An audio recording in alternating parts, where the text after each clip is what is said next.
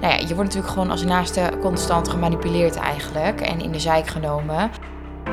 Dus, dus daar heb ik wel wat meer inzicht in gekregen van hoe dat nou werkt. Wat heb jij nu geleerd? Wat is de grootste valkuil voor de naaste?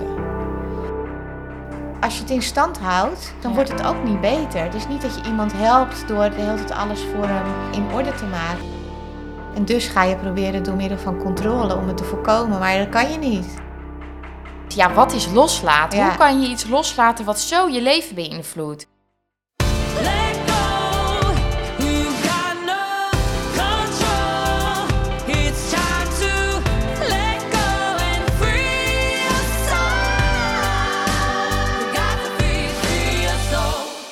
Eh, welkom bij SOS de podcast. De podcast waarin we het hebben over verslaving en de impact daarvan op naasten. Ik zit hier vandaag weer met mijn moeder. Hi mam. Hallo, daar zijn we weer. Het is weer even geleden. We hebben even een korte zomerstop gehad. Ja, we- zijn vergeten om hem aan te kondigen. Ja, dus ik kreeg al wat berichtjes. Zijn jullie gestopt? Nee, jongens, we zijn nog niet gestopt. Het het liep gewoon even zo.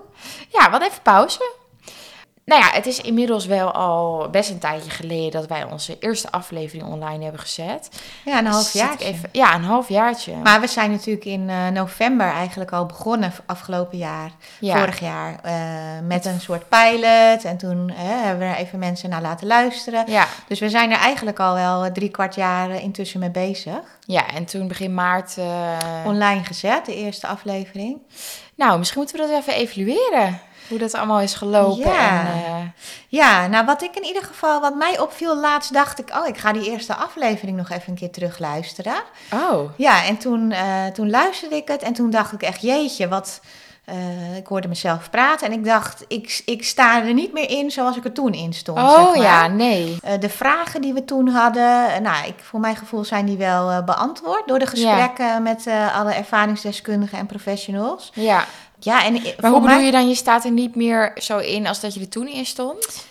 eh, ik, het voelt voor mij wel als een stukje verwerking, de podcast. Oh ja. Ja, ik ja. heb echt wel het gevoel dat ik een heel stuk verder ben gekomen. Ja. Heel Nou, wat goed. Ja. Ja. ja, en dat was ook wel een beetje het doel uiteindelijk. Dat onze vragen een beetje beantwoord zouden Ja. worden. En ehm, nou ja, dat we iets beter eh, begrijpen nu eh, hoe, hoe het eigenlijk werkt. Ja, Ja. Ja. en, en onze eigen rol in dingen, hoe we op dingen, hè, van, van hoe kan het nou, bepaalde dingen, waarom heb ik dat niet gezien? ja. Nou, al die dingen, eh, ja, is best wel duidelijk geworden. Ja, Dus nou, dat, dat kan ik eh, veel meer loslaten eigenlijk. nou, dat is echt fijn, toch? Ja, en hoe is dat voor jou? Ja, ik ga sowieso niet nog een keer luisteren allemaal. Want jij, jij stuurt me dan altijd voordat hij online gaat. eh, zou je nog even willen luisteren of je het goed vindt? En dan denk ik, oh, gaan we weer. ik heb eigenlijk gewoon geen zel- zin om net naar mezelf te luisteren. Nee. Dus die eerste afleveringen hoef ik ook echt niet meer te luisteren. En ik denk dat ik daar ook niet een, eh, een lekker gevoel van krijg, zeg Nee. maar. Ik denk dat ik dat liever gewoon... Ik heb het verteld en eh, het is goed zo. Ehm, nou ja, en jij zag dan wel eens van... joh, ik denk dat het voor jou ook wel een stukje verwerking is. En dat zal misschien onbewust ook wel... Maar ehm, ik vind het vooral ook gewoon interessant om anderen te spreken en om wat wijzer te worden. En ja, inderdaad, wat jij zegt, voor mij zijn er ook wel dingen beantwoord. Ja, en weten er gewoon een stuk meer over. ja, Ehm, maar het geeft ook wel aan dat we al zoveel mensen hebben gesproken en dat er nu nog eh, allemaal mensen en vooral naasten aan gaan komen. ja, Dat het dus echt gewoon een heel groot probleem is. En dat blijkt ook uit de gesprekken, dat ik soms daarna denk, jeetje, wat treurig allemaal. ja, ja, dat zeker. Ja, wij zitten soms wel eens even na te praten en dan hebben we echt zoiets, jeetje. eh, we wisten dat het erg was, maar, maar zo erg. door de podcast zijn we er wel achter gekomen dat het probleem veel erger is en veel groter. Ja, misschien wisten we dat al wel, maar je, ehm, kijk, je hoort natuurlijk niet elke dag verhalen die daarmee te maken hebben. Ehm, maar ja, als je dan de hele tijd mensen spreekt die, die kunnen bevestigen dat het dus wel echt een heel groot probleem is, ja, dan word je toch wel weer even met je neus op de Ja. feiten gedrukt. Ja, ik denk wel dat het goed is dat. ehm, eh, dat is eigenlijk een beetje per ongeluk gegaan. De volgorde is eigenlijk zo geweest hè, dat we eerst ons eigen verhaal deden. En daarna met een aantal eh, ervaringsdeskundigen hebben gesproken. En Ja. met, eh, met één eh, professional, Daan Denik van Solutions. Ja. Maar ik denk achteraf, dat is, ja, het is per ongeluk gegaan. Hè, want we gaan nu eigenlijk eh, de rondes pas beginnen met de, echt met de naasten. ja. Eh, ik denk dat dat goed is, omdat we nu eigenlijk eerst meer kennis hebben gekregen door die Ja. gesprekken met de ervaringsdeskundige en de eh, psycholoog. Ehm, en dat we dan ook wat beter strakjes in de interviews met de naasten zitten. ik. Ja, ja, dat denk ik ook wel. Dus ja. En omdat we ook, we hadden allebei best wel wat vragen. Want je, je bent natuurlijk boos aan het begin. En je denkt, nou, hoezo? Je kan het toch gewoon niet doen? is toch een keus? En natuurlijk, nog steeds vind ik dat er niet altijd excuses eh, moeten worden bedacht. Maar we hebben wel echt veel geleerd over dat het wel echt een ziekte is. Ja, En ja. nou ja, hoe dat werkt met patronen en nou ja, in je brein ook. Ja. Dus ik denk dat het wel goed is, inderdaad, zoals jij zegt, dat we dat eerst hebben gedaan. Ja, en ehm, Maar dat betekent natuurlijk niet, eh, want uiteindelijk is onze podcast voor naasten, maar ook voor mensen eh, die te maken hebben met een verslaving. ja, Ehm, ja, dus ik denk dat het nu wel goed is en fijn dat we het stukje van de naasten gaan belichten. ja, en dat wordt echt wel tijd. Want dat was natuurlijk wel hetgene ja, wat hè, onze eerste opzet was. We willen het graag voor naasten doen. ja, En het verhaal van de impact op naasten laten horen. ja, En natuurlijk hebben de ervaringsdeskundigen ook wel verteld wat de im- impact op hun familie was. Maar ja, dat is vanuit hun oogpunt. Ja, hè. en, zeker. en nu gaan we de naasten zelf aan het woord laten. ja. Nou, We hebben drie, in ieder geval al drie mooie afspraken staan met eh, drie dames die, eh, ja, denk ik, eh, een hele waardevolle toevoeging zijn voor de podcast. ja, ik ben heel benieuwd. We hebben ja. natuurlijk wel het interview met Nicolette gehad, hè, ook een naaste. Ja, Eh, maar het eh, ging niet over verslaving, hè, dat was een ander eh, onderdeel. Ja, de kern is niet de verslaving, Nee, maar... Het ging natuurlijk over ecstasy-gebruik, maar eh, deze drie naasten die we nu gaan interviewen de komende weken, eh, dat zijn eh, dames die te maken hebben gehad met verslaving in hun eigen kring. Ja, ja. Dus ik ben heel benieuwd. ik ook, ja. Ja. Maar hoe gaat het nu met jou? Ja, dat is een eh, lastige vraag.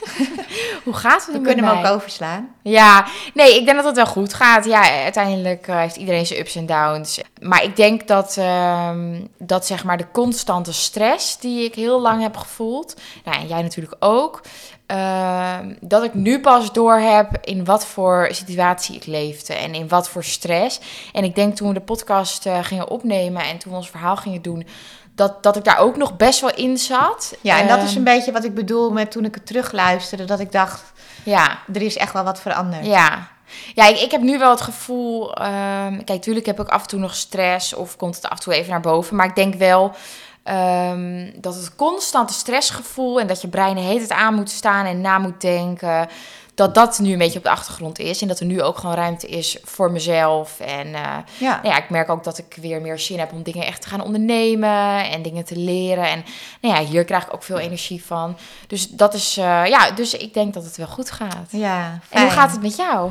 Ja, eh, ook wel goed. Ja, nou wat je zegt, er zijn nog wel ups en downs. Of als er bepaalde dingen gebeuren, dat je echt weer even teruggeworpen wordt een beetje op dat gevoel. Ja. Maar over het algemeen denk ik dat wij een hele goede modus eh, gevonden hebben. Ja. Ja, om gewoon dingen op te pakken en te- ook te genieten van het leven en eh, te relativeren. Ja, Te kijken naar eh, wat er wel is, hè? want we zijn ook eh, dankbaar voor heel veel dingen. tuurlijk. We genieten ons gek van die kleine. Kleine, nou, puber al in de ja, peuterpuber. ja, joh.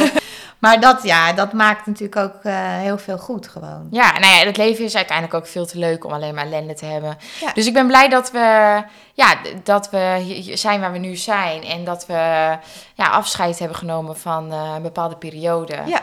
En, eh, Nou, en wat jij zegt, de podcast geeft ook energie. Want de gesprekken met mensen die eh, ja, gewoon snappen waar het over gaat, ja, ja, geeft mij energie. Je leert ervan, eh, een stukje herkenning. ja, Nou, en daarom denk ik ook echt dat onze podcast voor andere naasten gewoon heel, eh, ja, heel nuttig kan zijn. Omdat gewoon dat stukje herkenning, dat is gewoon zo prettig. ja, ja, zeker. Dat je gewoon echt even ja, met elkaar het erover kan hebben. En ja, dingen kan bespreken die andere mensen niet per se snappen. Nee, dat klopt. Je, je begrijpt elkaar wel goed. Ja, Ja.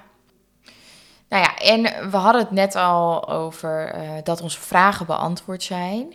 Ehm, maar wel- welke vragen had jij nou echt eh, waarop je nu terugkijkt en waarop je nu echt wel antwoord hebt gekregen in onze gesprekken? Dus. Eh, nou, wa- waar ik echt de hele tijd wel last van had, en dat hoor je ook in de eerste podcast, is dat ik me constant afvroeg van hoe kan het nou dat je weet dat het allemaal gevolgen gaat hebben als je weer eh, hè, drugs gaat halen of drugs gaat gebruiken. Ehm, dat je gewaarschuwd bent van als je het weer doet, hè, nou dat hele riedeltje, dan eh, gaat van alles mis. En toch doe je het. Nou, daar bleef ik maar mee in mijn hoofd zitten, dat ik dat niet kon begrijpen. Ehm, en Daan Denik heeft toen echt wel heel goed uitgelegd van, ja, weet je, het, het, de impulsen zijn sterker dan het denken. Dus het, het Ja. gaat niet meer op cognitief niveau. Er gebeuren dingen in je hersenen. Ehm, dus het is niet meer een kwestie van nadenken. Weet Nee. je, dat, dat, dat, dat gebeurt gewoon als die impuls komt, die zucht komt. Dus dat ben ik echt wel beter eh, gaan begrijpen. Hij noemt het dan de rem is stuk. Oh ja, ja. En eh, nou, hij legt dan ook wel uit van iemand gebruikt eh, eerst gewoon, nou, bijvoorbeeld hè, om je goed te voelen of om je beter te voelen. Of om bepaalde dingen te onderdrukken of je drukke hoofd. Nou, het kan van alles zijn. Dat is in fase 1 en 2, eh, legt hij dan uit. Ehm, en dan zegt hij, maar in fase 3 begint het dan te rafelen. Hè? Dan gaan er dingetjes mislopen. Mhm. Mensen gaan dingen aan de kaak stellen. hè, van hoe zit dat? Nou, en dan in fase 4 en 5, dan is het helemaal andersom. Want dan gebruik je om je niet slecht te voelen. Dus het begint ermee, je gebruikt om je beter te voelen. Ja, Nou, René van Kolm die zegt dat ook in eh, de podcast van... eh, in het begin brengt het je heel veel tussen Ja. aanhalingstekens. Maar daarna gaat het je kosten. Hm. Nou dus dat stukje van die eerste fases zijn anders dan die andere fases. Hè, als je echt in de verslaving zit. En dat je dan dus gaat gebruiken om je niet slecht te voelen. Om niet aan te hoeven gaan wat je allemaal hebt aangericht. Of hè, je slechte zelfbeeld of wat dan ook. En verslaving is eigenlijk een constante verdoving natuurlijk gewoon. Ja, en het wordt op een gegeven moment een vicieuze cirkel. Dus dat stukje, dat kan ik eigenlijk helemaal loslaten nu. Ja, Dat, dat, eh, ja, dat snap ik nu gewoon hoe het werkt. ja. Ja, dat is wel echt... eh, Ja, dat, en dat is wel prettig, want het geeft, ja, geeft wel rust eigenlijk. Ja, nou gelukkig brengt het toch nog wat, hè? Ja, ja. Dat hele gedoe. En bij jou? Ehm, ja, nou ja, ik eh, was vooral denk ik als naaste eh, heel erg ermee bezig van, eh, nou, hoe heeft mij dit kunnen overkomen? En ehm, ja, weet je, ik heb altijd wel dingen gevoeld, onderbuikgevoel. En eh, nou ja, je wordt natuurlijk gewoon als naaste constant gemanipuleerd eigenlijk en in de zijk genomen. En dat weten we nu, hè? Ja, dat weten we nu. Eh, dus ik had heel vaak dat ik me dus ook nog wel een beetje schaamde. Dat heb ik denk ik wel in de eerste afleveringen ook wel benoemd. Ja. Van ja, hoezo overkomt mij dit? Want nou ja, ik, ik vind mezelf niet naïef en Nee, niet heel nee, dom. precies. En dacht ik, ja, maar ja, dat is, hebben we dus nu geleerd. Ehm René van Kolm die zei dat in de podcast van eh, ja, het is de ziekte van ikken. Ja, en dat omschrijft dan wel mooi ehm, eh, hoe het is, zeg maar, voor de naaste. Ehm, Zo'n verslaafde die is dus alleen maar bezig met ikken. En die doet eigenlijk alles om bijvoorbeeld aan het middel te komen. Ja. Of zich niet, eh, niet slecht te voelen. Ja. En wel goed te voelen. Nou ja, en daarbij moet je dus constant manipuleren. Ehm, dus, dus daar heb ik wel wat meer inzicht in gekregen van hoe dat nou werkt. En eh, Ja, hoe het komt dat jij je onderbuikgevoel uiteindelijk negeert. En dat doe je niet bewust. Maar als je natuurlijk de hele tijd gemanipuleerd wordt. ja, je, je, je vertrouwt daar op een gegeven moment niet meer op. Ehm, en ik merk dus nu heb ik nog steeds af en toe eh, met mijn ex-partner wel zo'n onderbuikgevoel. Maar ook omdat je er wat verder van af staat. Ik weet gewoon nu als ik dat heb, dan klopt het, weet Ja, je wel. Ja, en nu vertrouw je daarop. Ja, en ik, ik word niet meer constant gemanipuleerd, want ik heb gewoon mijn eigen leven. Ja, ja. Dus ik denk ook als je er zo eh, dicht op zit en met iemand samenleeft, of iemand is je kind, of, dan is het heel lastig om, om eh, daarop te vertrouwen. Ja. Omdat je constant afleiding hebt en gemanipuleerd wordt. Ja. En als jij dan iets zegt, dan wordt het eh, ja, wordt er gezegd dat is niet zo, weet je. En je gaat heel erg aan jezelf twijfelen. Ja, dus ik denk echt dat dat voor naasten heel belangrijk is. Ook al denk je van, nou ja, ik weet niet zeker of het klopt, mijn onderbuikgevoel. Probeer er gewoon altijd op te vertrouwen, want het komt altijd ergens vandaan. Ja, en Daan Denik zei ook van eh, ze verkopen ijs aan een Eskimo. Ja, Nou, ja, dat zegt het. Ja. Dat is gewoon in één zin eh, wat er gebeurt. Ja, inderdaad. Ja, eh, dat zegt het wel, denk ik. Ehm, ze zorgen er gewoon voor dat jij denkt dat je gek bent, of dat je het helemaal verkeerd ziet. Daardoor denk je dus dat je gevoel niet klopt. Ja. En ja, negeer je het eigenlijk. Ja. En daarmee creëer je denk ik ook wel een soort vicieuze cirkel. Dat je niet meer op je gevoel vertrouwt. Dus Ja. als dat onderbuikgevoel omhoog komt, dan denk je nee, want eh, hij zegt dat ik gek ben of zij. Dus ik kan het, eh, ik, ik kan het negeren, zeg maar. Ja. Ja, oké, dus daar heb jij wel antwoord op gekregen. Dat je nu wel snapt hoe dat dus werkt. Ja, En dat het jou dus overkomen is. ja, ja dat, dat snap ik nu inderdaad wel, maar nog steeds denk ik nu achteraf. Ja, maar ze altijd achter. Meid! Ja, Nou ja, en wat, wat vind jij, eh, of wat heb jij nu geleerd? Wat is de grootste valkuil voor de naaste? Ehm, ja, wel meerdere dingen. Ehm, bijvoorbeeld dingen oplossen voor de verslaafde. Hè, dat kan Ja. bijvoorbeeld zijn geld geven, eh, smoesjes verzinnen, iemand steeds in huis nemen. Eh, grenzen stellen is gewoon het moeilijkst. Ja. En ehm, nou, dat vond ik wel interessant wat René zei. Want dan zeggen mensen van als ik dan die grens stel, en dat kan dan van alles zijn, en net Mhm. hoe jouw situatie is, eh, dan ben ik heel erg bang dat het heel erg wordt. Ja. En René zegt dan nee, het is al heel erg. En Ja. dat vond ik echt een goede opmerking. Dat ik dacht, ja, dat is ook zo. Het is Ja. al heel erg. ja. Dus Maar ja, dat vind ik dan wel weer lastiger als je bijvoorbeeld een kind hebt met een verslaving. Want ik weet dat eh, Timo in een van onze eerste podcasts zei van... ehm, ja, weet je, mijn ouders eh, eh, hebben mij bijvoorbeeld niet de deur uitgezet. Hij Nee. zegt, en anders weet ik ook niet zo goed waar ik terecht was gekomen. nee, Dus dat vind ik dan lastig. Als jij een kind hebt eh, die dit heeft, dan ga je niet... Ja, dan kan ik me voorstellen dat je niet zomaar zegt... joh, ik zet je op straat, je komt er Nee, niet meer in, het uit. Maar als jij een partner hebt, dan een volwassen partner... dan vind ik dat wel een heel ander Ja. verhaal. nou ja, of als je een kind hebt die al twintig jaar verslaafd is, is het natuurlijk ook Ja. wel iets anders. ja, tuurlijk. Eh, Timo was toen heel jong. Ja, Ehm, eh, en die zei, als dat op dat moment gebeurd was, dan was het misschien wel heel slecht met me afgelopen. ja, Eh, maar goed, hij gaf wel heel duidelijk aan, er zijn op andere gebieden ook geen grenzen gesteld. Hè? Altijd Nee. maar geld krijgen, hè? allerlei dingen. Ehm, dus misschien dat je dan niet de grens stelt van, hè, ik zet je de deur uit, maar wel andere grenzen. ja, en wat zei, eh, volgens mij zei eh, René dat, liefdevol grenzen stellen. Ja, dat, dus Ja. je hoeft niet te zeggen, ik wijs jou af, maar Nee. ik wijs wel je verslaving af. Nee, en ik denk dat grenzen stellen ook niet per se hoeft te zijn van... eh, je gaat eruit en je komt er nooit meer in. Er zit natuurlijk nog wel wat tussen.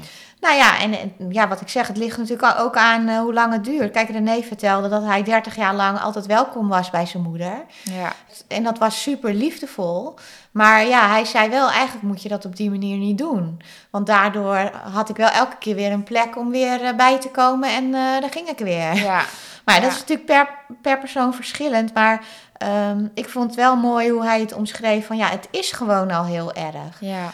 Als je het in stand houdt, dan, dan blijft het ook erg. Dus dan Ja. wordt het ook niet beter. Het is niet dat je iemand helpt door de hele tijd alles voor hem eh, in orde te maken. En ik herken Nee, dat ook wel bij ons. Ik heb ook wel eens een keer ehm, gezegd bij jouw ex-partner toen die ergens niet was komen opdagen.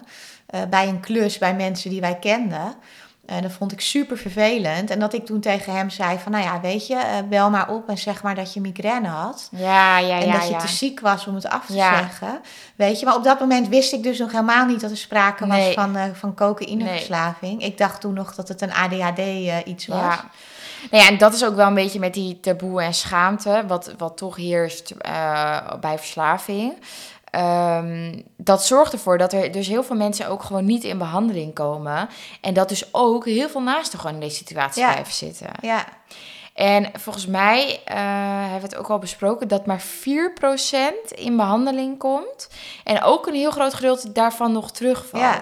Dus uiteindelijk de mensen die het gaan redden, dat, dat is maar een heel klein groepje. Een heel klein percentage, ja. ja. dus er zijn gewoon heel veel naasten die eh, iemand in hun omgeving hebben die dus helemaal niet in behandeling is. Nee, Eh, en dan ook nog naasten die wel iemand eh, in hun omgeving hebben die wel in behandeling is, maar die, die, die steeds terugvalt. ja.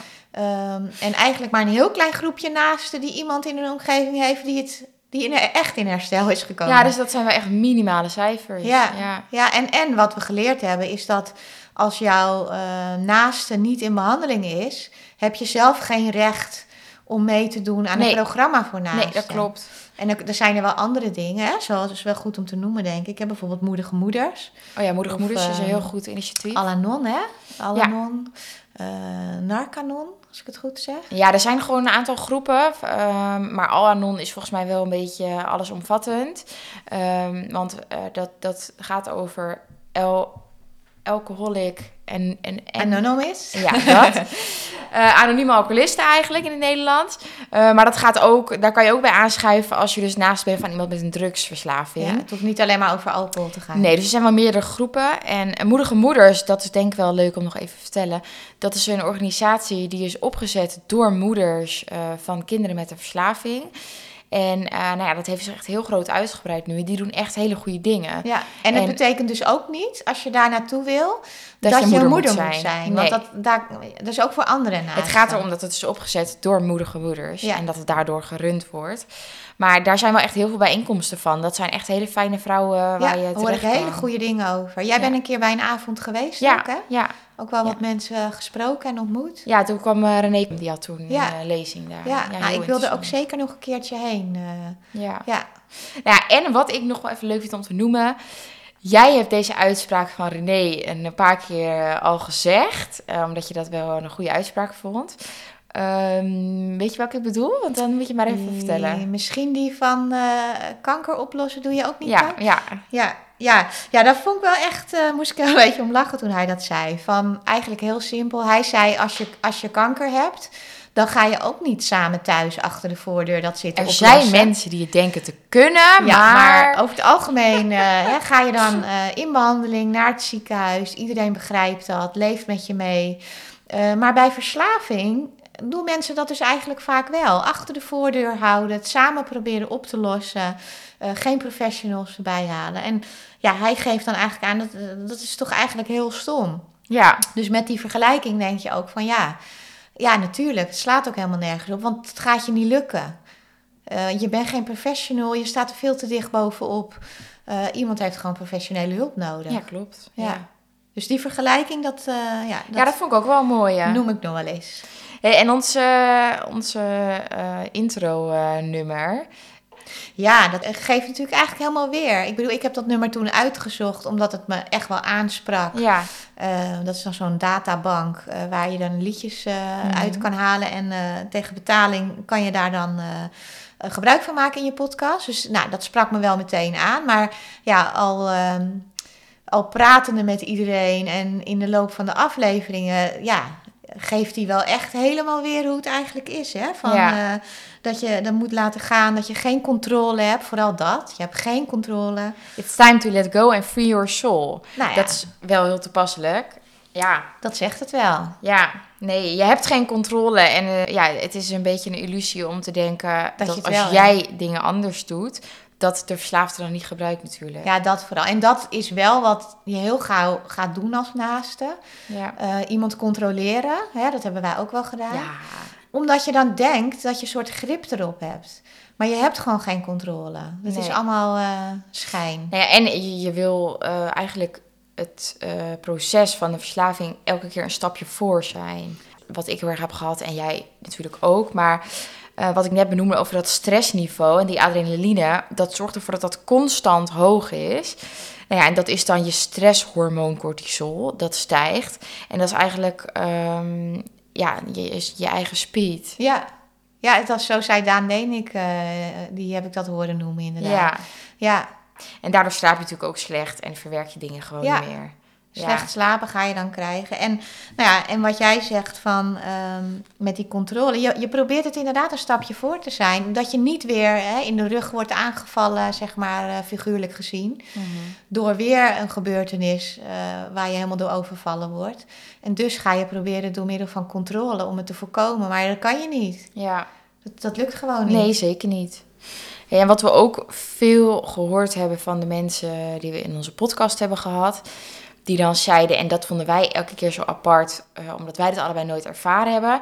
Alles klopte meteen toen ik iets gebruikte. Ja, dat komt, dat komt elke aflevering terug. Ja, en dat vinden wij ook weer zo bizar, want wij hebben dat allebei nooit zo ervaren. Natuurlijk was mijn eerste drankje, dacht ik, goh, lekker gevoel, maar ik dacht niet, dit is het. Nee. En nou ja, waar we dan nu wel achter zijn door de ervaringsdeskundigen, is dat er dus daarvoor dan iets niet klopte. Ja, Of in ieder geval dat er onderliggend trauma zit. Of iets wat Ja. niet helemaal lekker zit.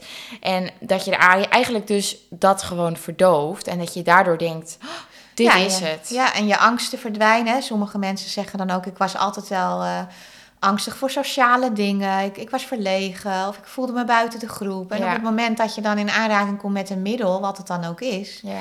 valt dat weg. En ja, dan op dat moment dachten zij, jeetje, nu voel ik me echt eh, voor het eerst eigenlijk chill gewoon. Ja. Dat. En dat vind ik echt opvallend, dat we dat eigenlijk in elk verhaal terug horen. ja, is heel bizar wel. Ja, Ja, en dat geeft wel aan dat er dus vaak wel echt heel veel onder zit. ja, En ehm, dat eigenlijk het niet eh, begint bij dat de drugs het probleem zijn.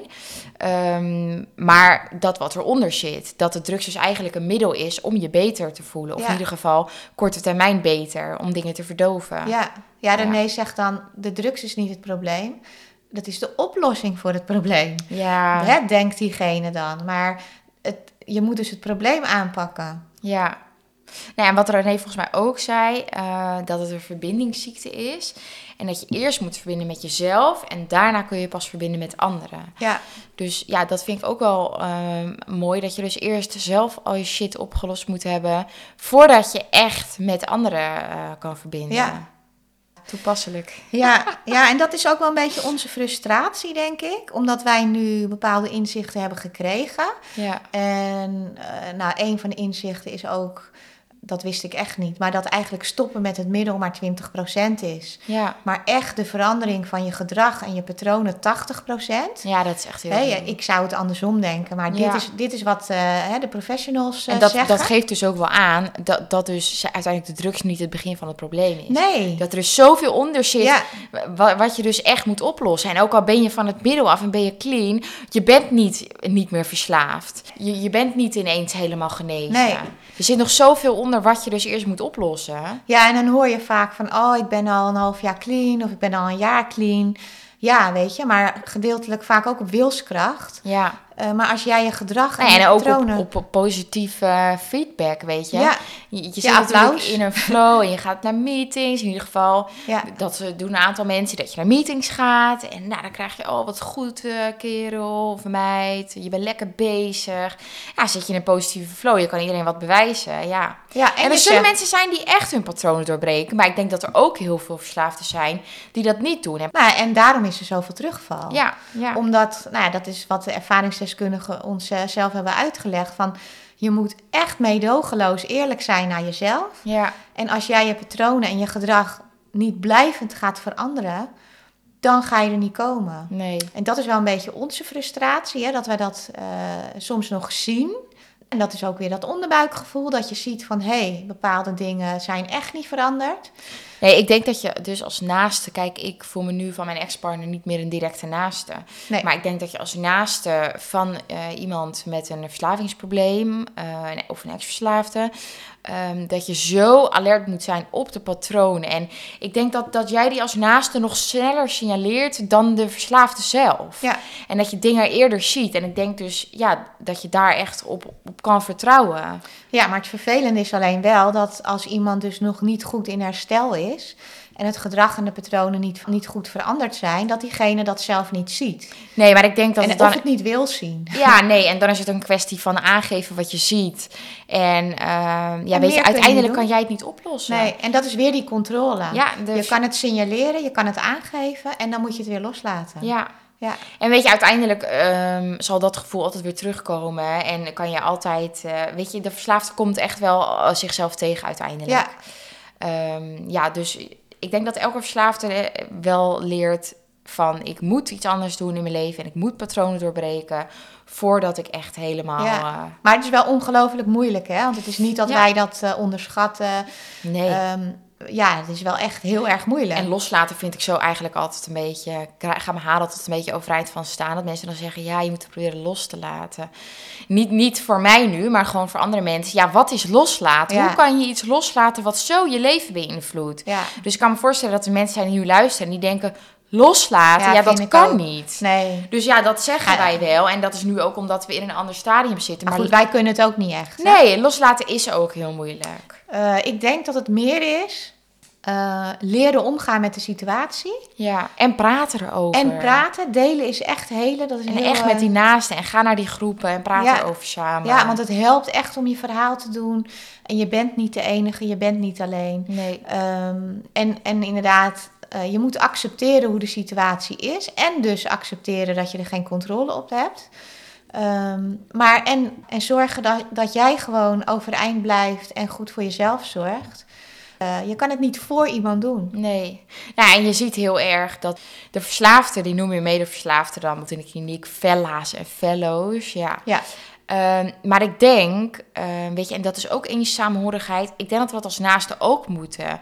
Weet je, en dat is ook waarom wij dit doen. Dat we vinden dat er meer moet zijn voor naasten. Ja. En weet je, ja, zoek elkaar op en help elkaar gewoon. Want ik denk dat het heel moeilijk te begrijpen is voor mensen die hier niet mee te maken Ja. hebben. Ik merk dat echt. ehm, ik had van de week ook even een voorgesprek met iemand voor de podcast, met een andere naaste. Ja, dat weet je, je kan uren praten, bij wijze van spreken. Want er is zoveel herkenning en begrip naar elkaar toe.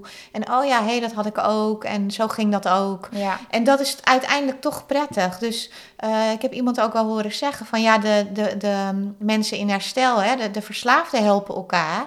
En naasten moeten elkaar gewoon ook helpen, want die hebben ook een herstelproces. ja, Nou ja, Daan heeft het meerdere keren gezegd. Het is een family disease. ja klopt. Ja. Ja, en dat is het ook. Ja. Ja, zeker. Ja, dus dat hoop ik echt met de podcast. Dat steeds meer mensen eh, die ermee te maken hebben, er, hem zullen, zullen vinden. Ja. En er hopelijk gewoon wat aan hebben. Ja. Nou ja, en wat, wat mijn, eh, of wat in ieder geval voor mij eh, de laatste maanden het gevoel steeds meer naar boven is gekomen.